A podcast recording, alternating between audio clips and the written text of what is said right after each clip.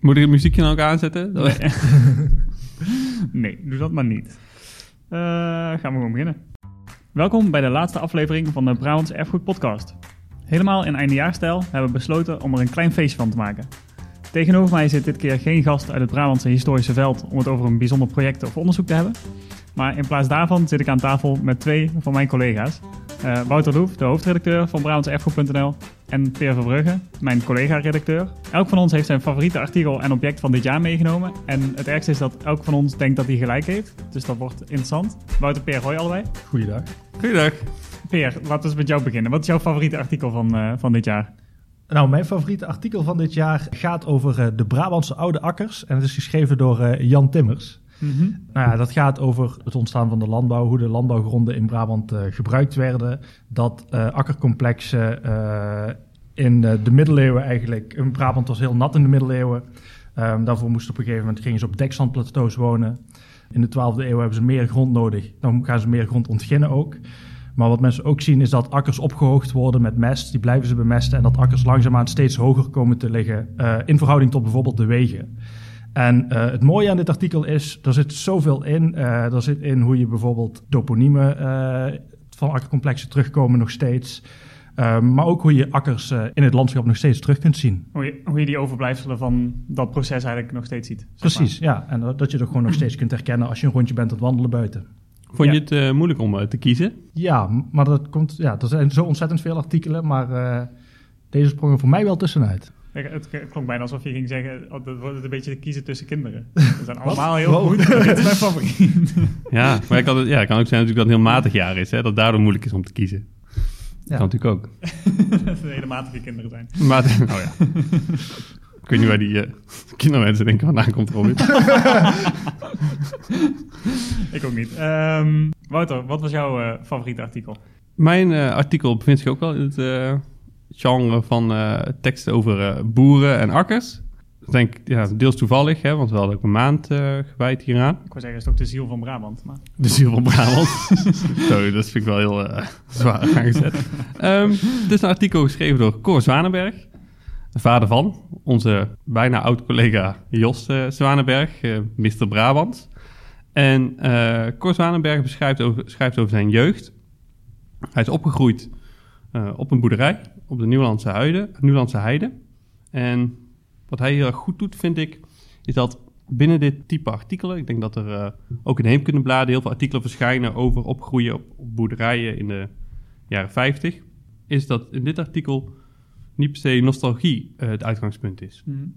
Dus hij beschrijft, vind ik, best wel ehm, eh, genuanceerd hoe het voor hem was. En dat het ook super zwaar was, het leven daar. Dat hij weinig vrije tijd had. Dat hij eh, eigenlijk op jonge leeftijd al mee moest eh, werken om de boerderij draaiende te houden. Vond ik heel erg interessant om te lezen, omdat dat heel anders is dan mijn jeugd. ik had lekker veel eh, vrije tijd en ik had heel veel ruimte om lekker te spelen. Mijn ouders hadden ook geen boerderij, dus dat scheelt natuurlijk. Je Ehm, bent ook aanzienlijk jonger dan Cor. Ja, ja ook dat. Hè. Ik ben in de jaren Dat is niet 90 onbelangrijk. opgegroeid. Natuurlijk de, de hoogtijdagen. Ehm, qua vrije tijd. Eh, maar goed, ja, dat vond ik heel erg interessant. Ook omdat hij de rollen bespreekt die zijn ouders dan in dat gezin hadden. En hij eh, heeft ook, eh, besteedt ook tijd aan de rol van, de, van zijn moeder in het gezin. Waarbij hij dus ook oog heeft voor het perspectief van de vrouw. Wat soms ook wel eens ontbreekt in de artikelen die we binnenkrijgen. Dat vind ik er ook goed aan. Hoe die, ehm, hoe die moeder eigenlijk ook het gezin draaiende houdt. En dat er een soort ehm, team effort is om, om te overleven is het eigenlijk. Gaat het Ja, dat die moeder niet in naar de, naar de achtergrond verdwijnt, zeg maar. Nee, precies. Ja, in, en dat, in, het ja. schrijven over bedoel ik dan, hè? Ja, Ja, het is- en ze is dus zowel ja, moeder als boerin.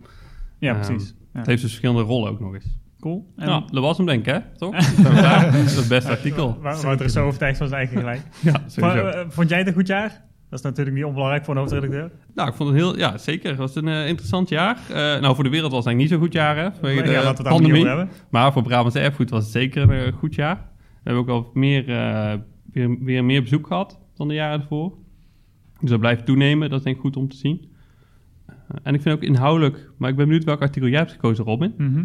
Maar ook inhoudelijk vind ik het uh, qua artikel een heel goed jaar. Best wel uh, grote diversiteit uh, over onderwerpen. Daar hebben Pier ja, en ik ook allebei een artikel gekozen over, over boerenleven. Over boeren. Goddank ben ik er nog. Maar... Ja, precies. Dus ja, misschien kunnen we beter nou even door naar jouw artikel. om toch iets van diversiteit te krijgen. Ja, klopt. Ja, ik, heb, ik vond het super lastig om dezelfde reden die jij noemt. Dat het een heel, divers, ja, een heel divers jaar was. En um, we ook echt wel heel verschillende dingen op hebben gehaald. Uh, jullie noemen boerenleven, dat is natuurlijk een thema geweest. Maar waar we ook veel mee bezig zijn geweest dit jaar... is dan meer de, echt het opzoeken van de diversiteit en de verhalen die we nog niet hebben. Uiteindelijk ben ik uitgekomen bij een handjevol artikelen... waar ik een uiteindelijke keuze in heb gemaakt. Maar dat was allemaal met een soort van uh, slavernijverleden, gastarbeiders, dat soort uh, thematiek. En nou, de maand van de geschiedenis stond in het teken van gastarbeiders of van aan het werk. Wij hebben daar gastarbeiders van gemaakt. We hebben momenteel twee stagiairs die ook met uh, een project of een onderzoek aan het doen zijn naar gastarbeiders. In hun geval uh, Turkse en Marokkaanse gastarbeiders. Maar bij het ophalen van de maand van de geschiedenis kwam ik een getuigenis kwam er een getuigenis binnen bij me van een Portugese gastarbeider bij Vlisco in Helmond. De beste man deed Antonio Fernando de Almeida e Silva. Die is tot stand gekomen ook dankzij Giel van Hoof, die eigenlijk het contact heeft gelegd. Het is een getuigenis, dus het zijn echt daar herinneringen van uh, Antonio, die we ja, nu ontsloten hebben. En voor mezelf wist ik eigenlijk überhaupt niet dat er Portugese gastarbeiders waren geweest. Dat er uh, Spaanse waren geweest, wist ik wel, maar de, de Portugezen stonden, niet, stonden echt minder op mijn, uh, mijn radar. Nou, gastarbeiders, ik vond het zo mooi in, op een wat hoger niveau, zeg maar, van de, de gastarbeiders zijn echt wel een onderbelichte groep in de geschiedschrijving nog. En dan nog niet eens zozeer. Um, in heel veel geschiedenisboeken staat wel dat ze er waren. Um, maar staan, er staat weinig over wat ze er zelf van vonden of hun eigen stem, zeg maar. En dat is nu natuurlijk met dit artikel wel echt het geval. Ja, dat, die getuigenis beslaat gewoon het hele leven van Antonio in Nederland. Hij is uiteindelijk weer teruggegaan. Hij is gekomen in 1973 uh, en is gaan werken bij Vlisco dus. Uh, maar het vertelt ook over de, de valse voorwenselen eigenlijk waarmee ze naar uh, Helmond zijn gehaald. Uh, dat het allemaal veel rooskleuriger werd voorgesteld dan dat het uiteindelijk bleek te zijn. Maar ja, dan ben je ondertussen een paar duizend kilometer van je familie weg al. Heb je daar een voorbeeld van? Er stond bijvoorbeeld iets in over, dat ze, over het eten, dat dat allemaal geregeld zou worden. En dat bleek allemaal niet het geval te zijn. En toen kregen ze na heel veel aandringen volgens mij een magnetron of een oventje of zo om dingen klaar te maken. Maar dat was ook niet best. Dus toen zijn ze uiteindelijk maar zelf gaan koken. Dus die, ja, die arbeidsvoorwaarden was allemaal net even wat anders. En ook de, de dingen die je vaker in migrantengeschiedenis terug hoort komen, dat je, er staat in dat, die, um, dat zijn kinderen die hij op een gegeven moment uh, kreeg en in Nederland uh, opgroeiden voor een deel. Nou, in, in, Portugal waren ze gewend om met kerstcadeautjes te geven. En in Nederland heb je dan, nou, we hebben het net gehad, Sinterklaas. Waardoor die kinderen eigenlijk twee keer cadeautjes wilden hebben. Want ze zagen alle andere kinderen op school met Sinterklaas cadeautjes krijgen. Dus dat was dan zo'n zo'n ingewikkelde ja, soort van botsing van cultuur of zo. En uh, ja, wat ik zeg, we, we gaan verder met, dat, uh, met gastarbeiders als een overkoepelend project. Maar dus je hebt je eigen, eigen project gekozen? Ja, dat klopt. Ja, dat is puur eigen belang dit. Lekker dan. ja. um, maar ik vond het heel mooi om gewoon te zien wat die, uh, hoe zo'n gastarbeider zelf zijn leven dan beschrijft. Omdat het eigenlijk vaak is, er kwamen gastarbeiders en ze richten aparte verenigingen op. En dat is dan altijd een historicus die daarover schrijft en niet de gastarbeider zelf die daarover hoort. En waarom specifiek deze gastarbeider? Want we hebben meer verhalen opgehaald. Uh, ja, klopt. Um, ik denk van, dat zit een beetje in van dat het een Portugese was waar ik zelf niet vanaf wist. Dat het voor mij meer een verrassing was dat hij er was, zeg maar. Ja. Dus dat hij nog extra dat aanzet van, oh, oké, okay, dat is nog een onderbelicht, uh, nog extra onderbelicht was, zeg maar. Schrijft hij ook over zijn moeder? Schrijft hij ook over zijn moeder? Ja, mijn artikel. Oh. ja, is dit, is dit jouw voorwaarde voor het nou beste ja, artikel? Is dat wat er? Ik probeer me goed te, te, te, informeren. Nee, volgens mij schrijft hij niet... voor mij schrijft hij niet over zijn moeder. Nee, en ook niet over het zware boerenleven op het uh, Brabantse platteland. Ja, en speelt het zich af in de omgeving van Rosmalen? Zegt degene die uh, lid is van Heemkunde Kring Rosmalen? Ja, ja, ja, sinds dit jaar. Uh, ja, we vorig jaar komen wonen. Dus. Nee, nee, Helmond. Ja, nee, ja. nee. Nee, is helaas. goed. Twee minpuntjes. Ja, nee, en het is ook niet nu nog terug te zien, Vlisco natuurlijk wel. Ik zou zeggen, het is niet nog, niet nog terug te zien in de landbouwgronden van Brabant, maar... Wel de Portugezen die je tegenkomt. Dat moet ik dan wel, wel geven. De Portugese oh, gemeenschap in Nederland, ja. die zit er nog steeds. Dus, ja. uh, maar de boerengemeenschap in Brabant is natuurlijk veel groter dan de Portugezen. Dus uh, ik denk dat als we deze uit zouden schrijven... Heel, dan, kijk, uh, daarom zitten wij hier. Wij zijn dat, het geen, dat het geen referendum is. is toch, ja, is toch wel van ook de van in de politiek natuurlijk wel dat de boeren nog een nadrukkelijkere stem hebben gekregen. Ja, dat klopt. Ja. Dat is waar. Ik wil eigenlijk zeggen dat die boeren die vind ik eigenlijk een beetje oververtegenwoordigd tegenwoordig. Oh, eh, die van eh Peer, eh, Nee, maar- dat, dat gaat helemaal niet over mensen. Nee, dat is waar. Nee, Hou jij niet van ook- mensen, Peer? Het gaat zeker ook over mensen. Want het mooie van dit artikel is dat het juist ook gaat over hoe de mensen met deze akkers omgaan. Dus bijvoorbeeld eh, dingen als hagelkruizen, eh, processies die op akkers eh, gehouden werden. Ehm, boeren die eh buksenstakjes in de grond staken om hun gewassen te beschermen. Dat soort volksgeloof en zo zit hier ook allemaal in. Dus het mooie aan dit artikel is juist dat er alles in zit. Dat het gaat over wat je nog tegenkomt in het landschap. Dat het gaat over economische ontwikkeling van Brabant. Maar dat het dus ook gaat over hoe mensen daarmee omgingen. eh, hoe mensen dat ervoeren vroeger of ervaren hebben. En zo'n hagelkruis bijvoorbeeld, dat hier genoemd staat. Die staat er ook nog steeds in Aalerijkstel. Dat ding is eh 600 jaar oud of 700 jaar oud. Weten we zeker dat hij er nog steeds staat? Hij staat er nog steeds. Hij Staat hij heeft, er niet weer, Peer? hij heeft, hij heeft zeker, nee, hij heeft zelfs een mooi hekje eromheen. Een mooi hekje, ja. Dan Ja, kan je er ook niet gewoon tegenaan rijden. Ja, we hebben zelfs foto's van toen hij gevonden werd. Zeg maar helemaal onder eh, Ja, dus hij staat het weer. gras uitgehaald. Maar, is dit, maar dit, dit is niet het artikel van Jan, of wel? Gaat Nee, het- nee, maar daar gaat het ook over. Oh, Het nee, maar jij had gewoon... eh, Oké, ook. Dus dat is het mooie, hier zit alles in. Alles. Maar Alles. schrijft hij ook over eh, de rol van zijn moeder? Nee, Nee. ja. En zijn komst naar Nederland. Wacht, wacht. ook niet. En ook niet over... eh, Sinterklaas. ja. Nee, maar hij maakt hier geen onderscheid tussen man en vrouw. Zeg maar, iedereen is voor hem hetzelfde. Oh ja. ja, dat is ook goed, ja. Ja, het is wel dus een heropgericht hagelkruis. eh rechtop gezet Ja, dat ik. Ja, een heropgericht, ja. Ja. Is dat... eh, Ook heel erg christelijk trouwens, maar dat... eh, Het hagelkruis in Adelriksel, ja. Is dat, ja, maar is dat, is dat echt van belang dat hij dan weer her, heropgericht Nee. is, eh, Robin, voor jouw puntentelling? Nou ja, Peer zei, hij staat er al 600 jaar, maar dat is dus niet waar. Hij Oh ja. al minstens een paar honderd jaar gelegen. Wat jij wil. En hoe is het met de, met de plaatjes bij jullie artikelen? Want eh, het artikel van Cor Zwanenberg is eh, prachtig geïllustreerd door, met foto's, familiefoto's, van de familie Zwanenberg zelf. We zien bijvoorbeeld een, eh, een foto getiteld Armoedtroef, maar wel tevreden. Met heel het gezin en de hond erbij. Een zwart-wit foto dat je heel het gezin... Dus de, dit, is de, Ehm. dit is de emotionele kaart, hè, met de hond. Voor, ja, ja, precies, de hond. Ja. Voor, voor, eh, we, zien, we zien ze staan voor een eh, boerderij met een, een tobbe ernaast. Hondje ervoor. Ja, het is gewoon een prachtige foto. Maar dat is niet het enige. Het is ook geïllustreerd met schilderijen. Bijvoorbeeld een schilderij van T. van der Biezen van de boerderij. Van dezelfde boerderij. Ja, dat vind ik een, eh, een, eh, echt wel een meerwaarde. Nou ja, maar die heb ik hier ook. Ik Ja. bedoel, dit, is, een- dit artikel, kijk, als ik zeg een bolle akker, in eerste instantie dacht ik, nou ja, ik weet eigenlijk niet wat dat is. Maar het mooie is, ik zal hem even laten zien in de microfoon, dat, er, Is microfoon. hele- dat, er- dat er hele mooie plaatjes bij zitten. En dat je dan meteen een idee kunt krijgen, er zitten kaartjes bij. en dan kan ik dus een eh, rondje gaan wandelen. Peer, Peer, het is een door- podcast, beschrijf die foto even. Ja, wat zien we? Neem ons mee. Ik zie een mooie huidige weg, dus gewoon een as- geasfalteerde weg. Maar je ziet dus ook dat de, de, aan de, in de berm van de weg gaat het Mhm. eigenlijk omhoog waar de akker begint. Dus de rand van de akker heeft een, een steilrand, dus het is echt een opgehoogde akker. Het niveau van de akker ligt hoger dan het niveau van Precies. het uh, veld. en het mooie Van de podcast. is, Dan het niveau van de podcast. het mooie hiervan is, er zitten ook wel kaartjes bij. Dus je kunt ook gewoon gaan wandelen in bijvoorbeeld Lierop. En dan kun je die bolle akkers terugzien, zodat je ook zelf nog echt Ah, dat maar is op zoek kan gaan. Ja, dat is Dat leuk. is leuk. dus dat vind ik, ik vind het echt fantastisch. Maar een bolle akker is toch wel redelijk wat het zegt, zeg maar. Een bolle akker is precies wat het zegt. Maar het is, nou ja, als je niet weet hoe het eruit ziet, het kan ronder zijn. En het kan, nou ja, ik, ik zou niet per se weten dat het een ding is. Voordat ik dit artikel las, Mm. dan zou ik zo langs zo'n akker affietsen en denken, prima joh, daar ligt een akker. Maar nou weet ik, hé, hey, dit is een hele oude akker. En als ik een holle weg zie, dan denk ik, het is hey, niet, het is niet zomaar een hoop grond. Het is een, Als ik een holle weg zie, zeg maar een weg tussen twee opgehoogde akkers, die wat dieper ligt, dan denk ik spannend een weggetje tussen de akkers door. Maar nou denk ik, hé, hey, maar dit betekent iets voor de akkers die hier omheen liggen. Dit betekent iets voor de omgeving waar ik doorheen fiets. Die is dus al heel oud. Hmm. En er gebeurt al heel lang gebeuren daar dingen. Dat vind ik heel vet. En dan kan ik nou gewoon eh, een kaartje opzoeken en dan kan ik er naartoe fietsen. Ja, ja dat is wel een goed punt ook.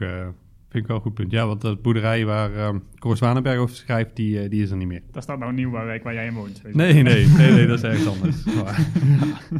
Ik, sta, ja, ik woon op een plek waar andere boerderijen zijn verdwenen. Ja. Dat is maar soortgelijke boerderij zijn.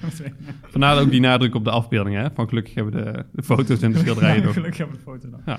Nou, dat, dat is wel ook wat Antonio heeft. Want de, de foto's daarbij zijn ook een beetje op hetzelfde, in hetzelfde thema als die van jou, eh, eh, Wouter. Waar er gewoon de familiefoto's en de, de, Uit de oude schoenendoos. inderdaad uit de oude doos van de collectie familie Almeida. Eh, waar hij eh pijnzend eh, over, wat denk, is dat, de Zuid-Willemsvaart of zo in Helmond, eh, kijkt. Ik ben Ja. misschien nog wel minst overtuigd van jouw bijdrage, Robin.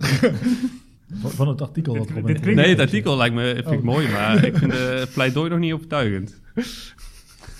Schandalig. Ja. Ik moet vrezen voor mijn contract hier.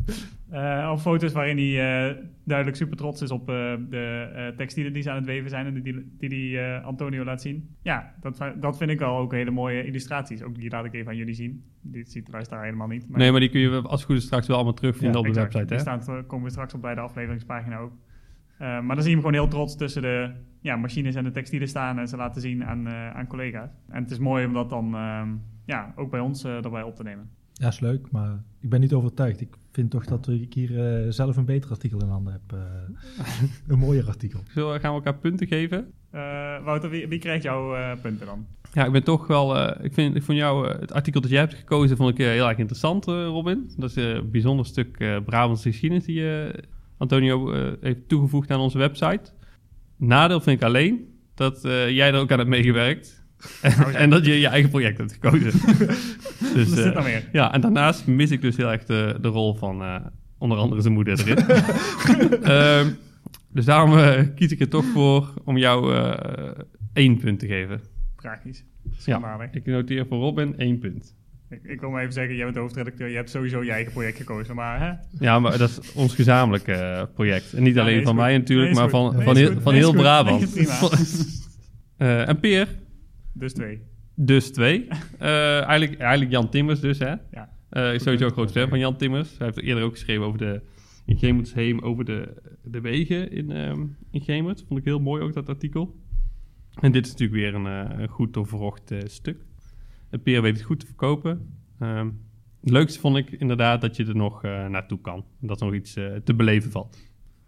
Ja, maar je moet wel weten. Dat, ja, ik vind het echt fantastisch. Ja, ja maar je mag niet jezelf punten Nee, dat weet ik. Yes. Nee, maar ik zou Jan Timmers dan punten geven. Hè? Oh ja, dat, is niet, dat is niet hoe dit systeem werkt, Peer. Ik weet het, ik weet het. Peer, hoe verdeel jij jouw punten? Ja, ik, eh, ik ga Wouter gewoon volgen, want eh, Robin, voor één, ik, ik geef één eh, voor de auteur. Eh, Even voor de auteur. ik geef één puntje voor de auteur. Arme Antonio. Ja, niet, nee, Antonio krijgt van mij een puntje. maar die verdient Maar twee punten. jij krijgt er Die geen. verdient duidelijk drie punten.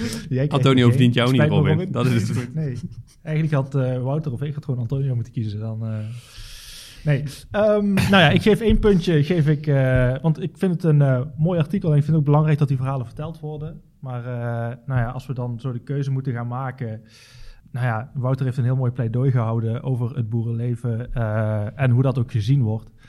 En eh, ik denk dat daar nog net iets meer eh, de verschillende ervaringen in zitten die, eh, nou ja, die beleefd werden in eh, het verleden.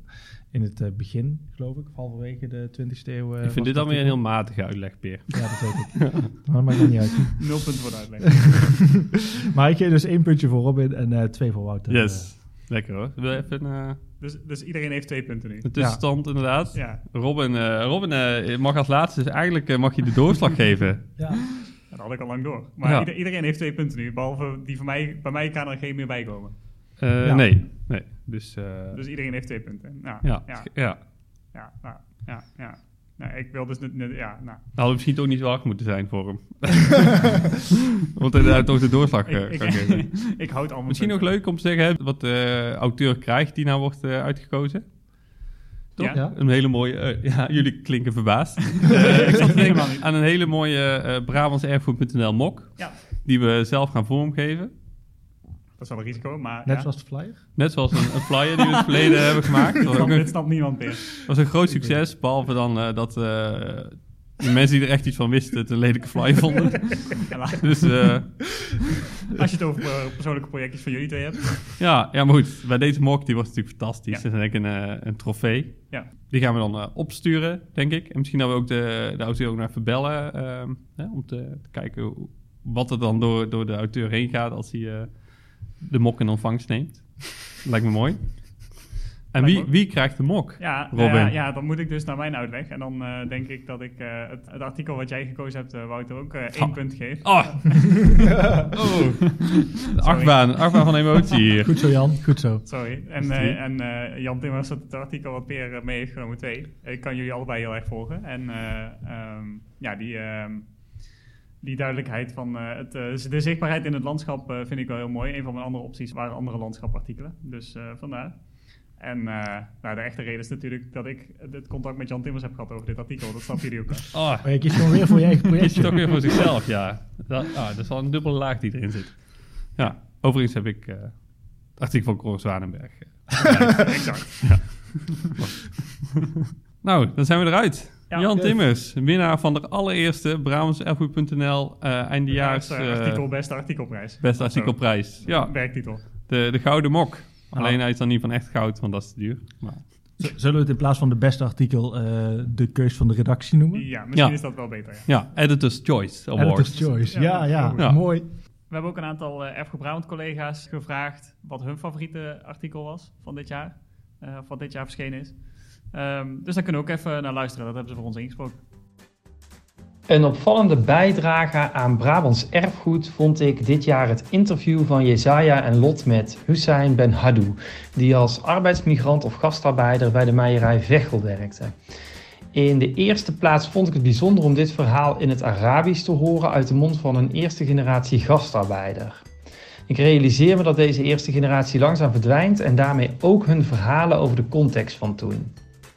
Ik kan me persoonlijk verbinden met die context omdat mijn eigen grootvader als chef bij de meierij werkte en hij veel van deze Marokkaanse mannen moest begeleiden, aangezien hij de Franse taal sprak. De losse verhalen van mensen in de context van de gastarbeid worden daarmee voor mij verbonden.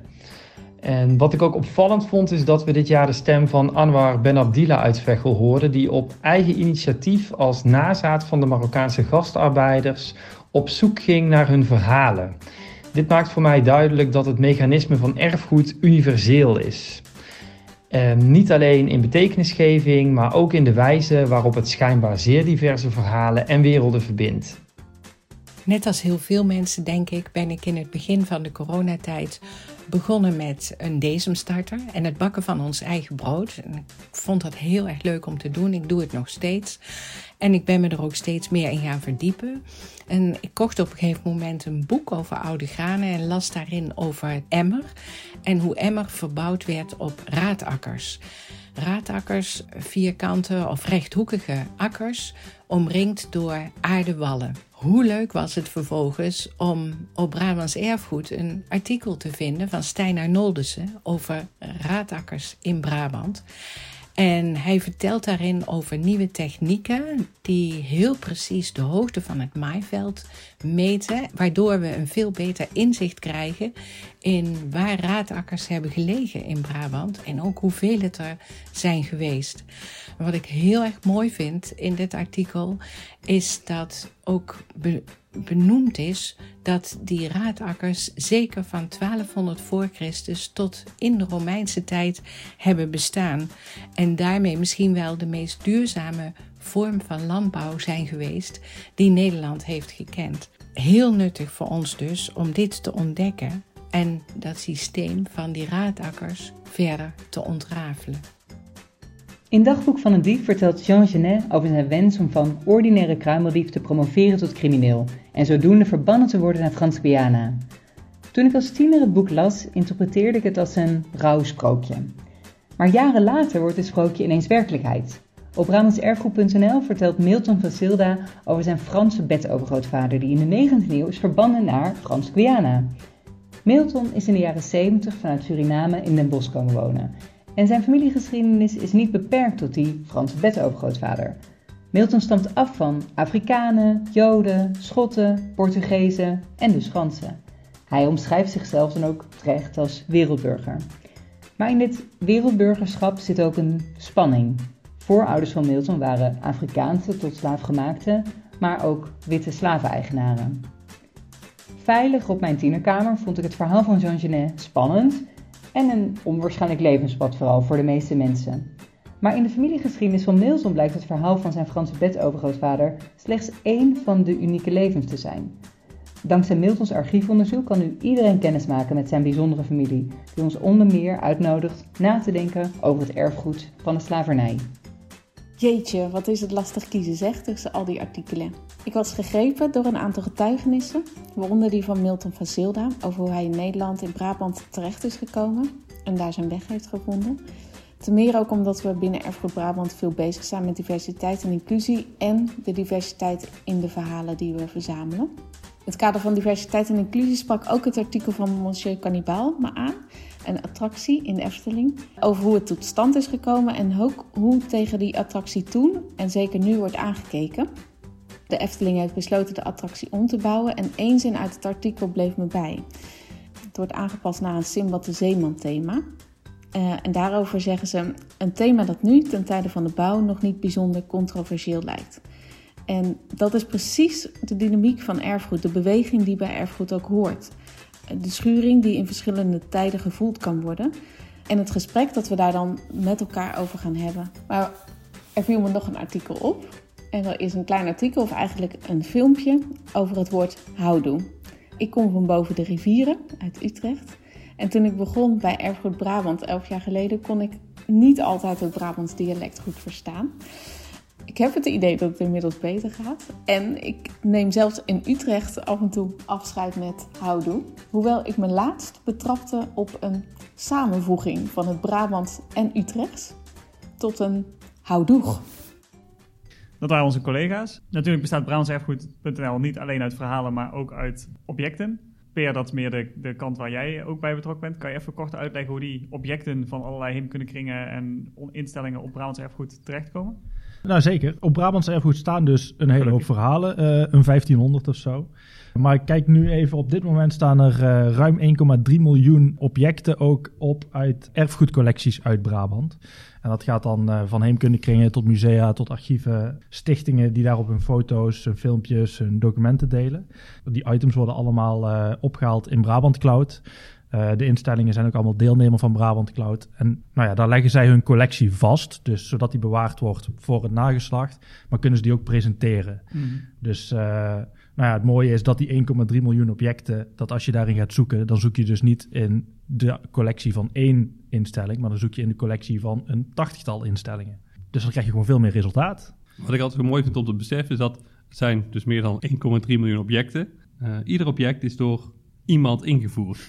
En hoeveel handelingen kost dat ongeveer om één object in te voeren, Peer? Dat ligt eraan of je het in bulk doet. Als je het in één keer doet, dan kun je er ook honderdduizend in één keer doen. Maar dan moet je het wel allemaal goed weten en precies hetzelfde zijn. Dus uh, het kost veel handelingen. Volgens mij heb ik wel eens uh, dat sommige mensen een kwartier bezig zijn met één item. Ja. Nou ja, doe dat keer 1,3 miljoen. Dan kom je op uh, Heel groot getal uit. 300.000 uur.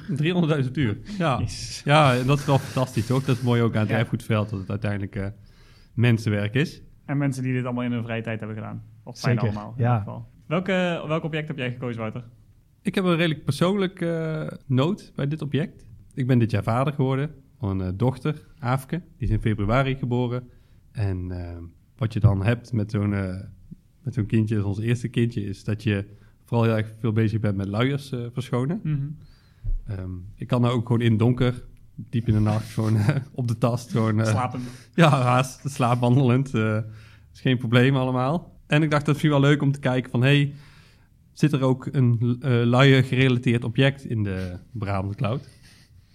En ik ben gaan zoeken en ik maak, inderdaad... Ik begin me zorgen te maken, maar ga door. Ja, het zijn geen uh, volle luiers. Die, uh, de vieze luiers van. ja, de vieze luiers van uh, commissaris van de Koning. Nee, nee. nee, dat zou wel heel fantastisch zijn. Nee, die kon ik niet vinden. Maar wel een andere luier gerelateerd object. Komt uit het Eindhoven Museum. Um, en het is een luiermand. En een luiermand is natuurlijk ontzettend handig, want daar kun je luiers in doen. Oh.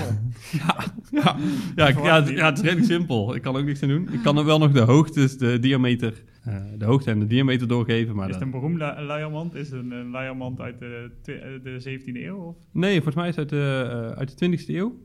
Materiaal, nou. rotan. Nou, dat is dus ontzettend hip. Dat is dus wel ontzettend, en ontzettend midden 20e eeuw. Of ja, tweede uh, 20e eeuw. Ja, ja, dat komt nou weer helemaal terug. Ja, uh, op de, onze babykamer hebben we bijvoorbeeld een lamp hangen, ja. gemaakt van rotan. Van Leiermand. Nee, we, ja, we, onze Leiermand is helaas niet zo mooi als deze. Want deze is echt, uh, je zou bijna denken dat het een wiegje is.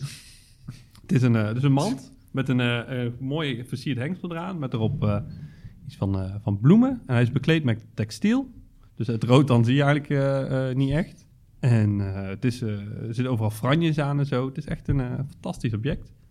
Dus ik, voor mij is dit het object van het jaar. En, om jullie helemaal over te tuigen, wil ik nog even de slogan van de vervaardiger eh, delen. het is jee. eh, vervaardigd door Smedro.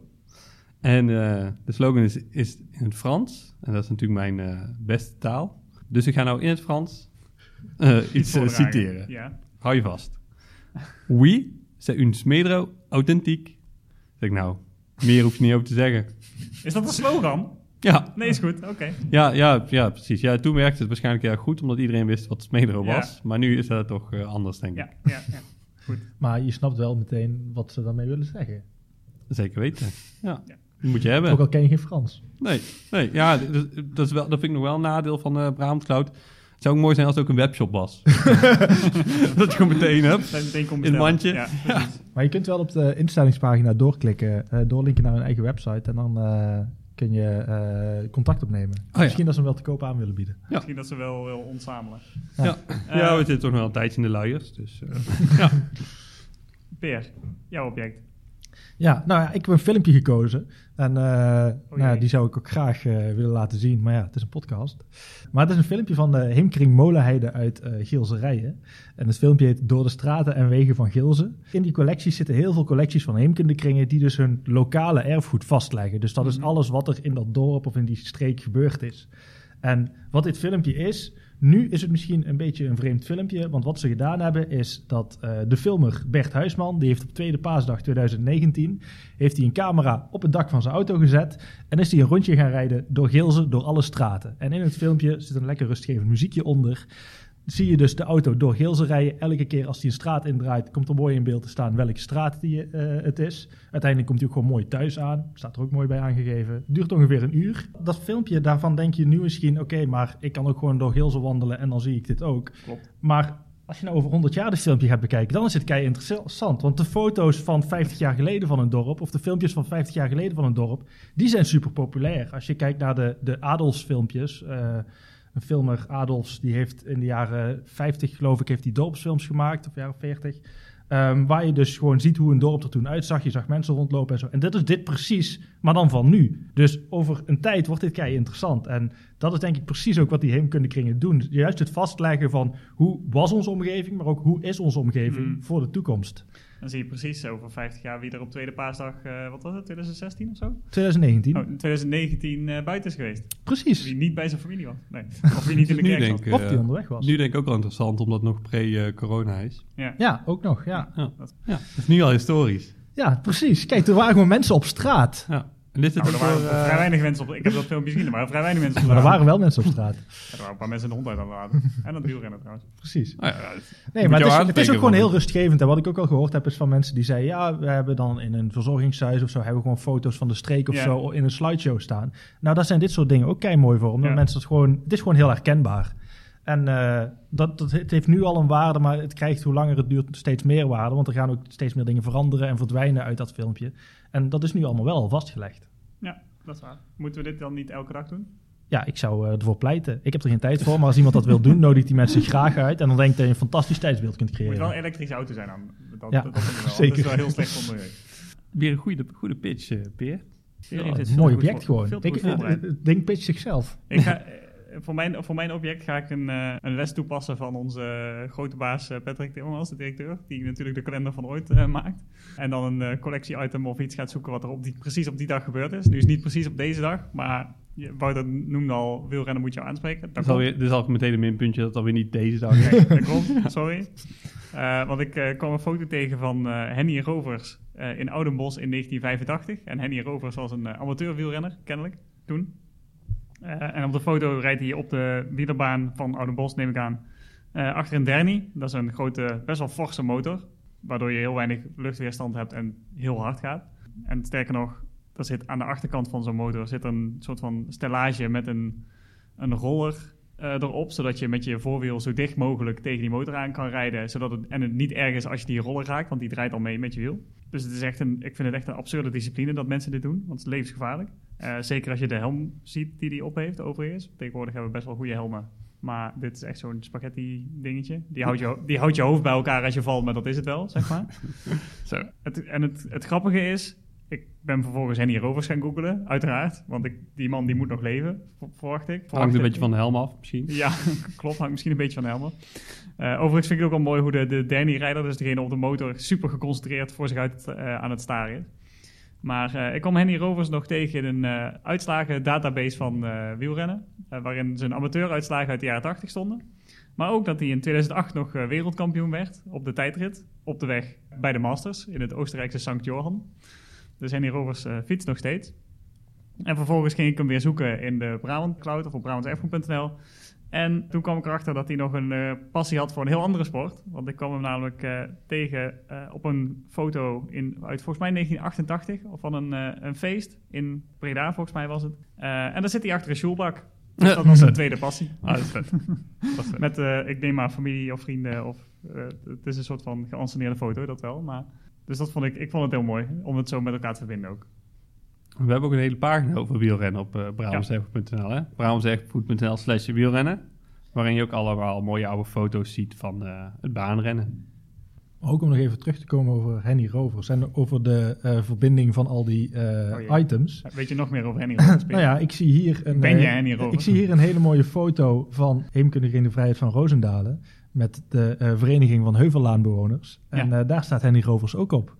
Ja, Dus, die, die eh, foto was op een feest van de Heuvelaan met die Oh, oké, kijk. Dus dat, Nou, eh, Dat, eh, we weten waar die woonde, laat ik het zo zeggen. Ja, Maar ja. het ja. mooie is wel meteen dat er dus verschillende collecties, dat deze persoon in verschillende collecties weer terugkomt. Ja, precies. Ja. Ja, luiers vind je natuurlijk ook in verschillende collecties terug. maar dat is niet, zo, eh, niet zoals Henry Rovers. En eh, Henny Rovers heeft ook nog ooit de Ronde van Huibergen gewonnen, Ja. zie ik.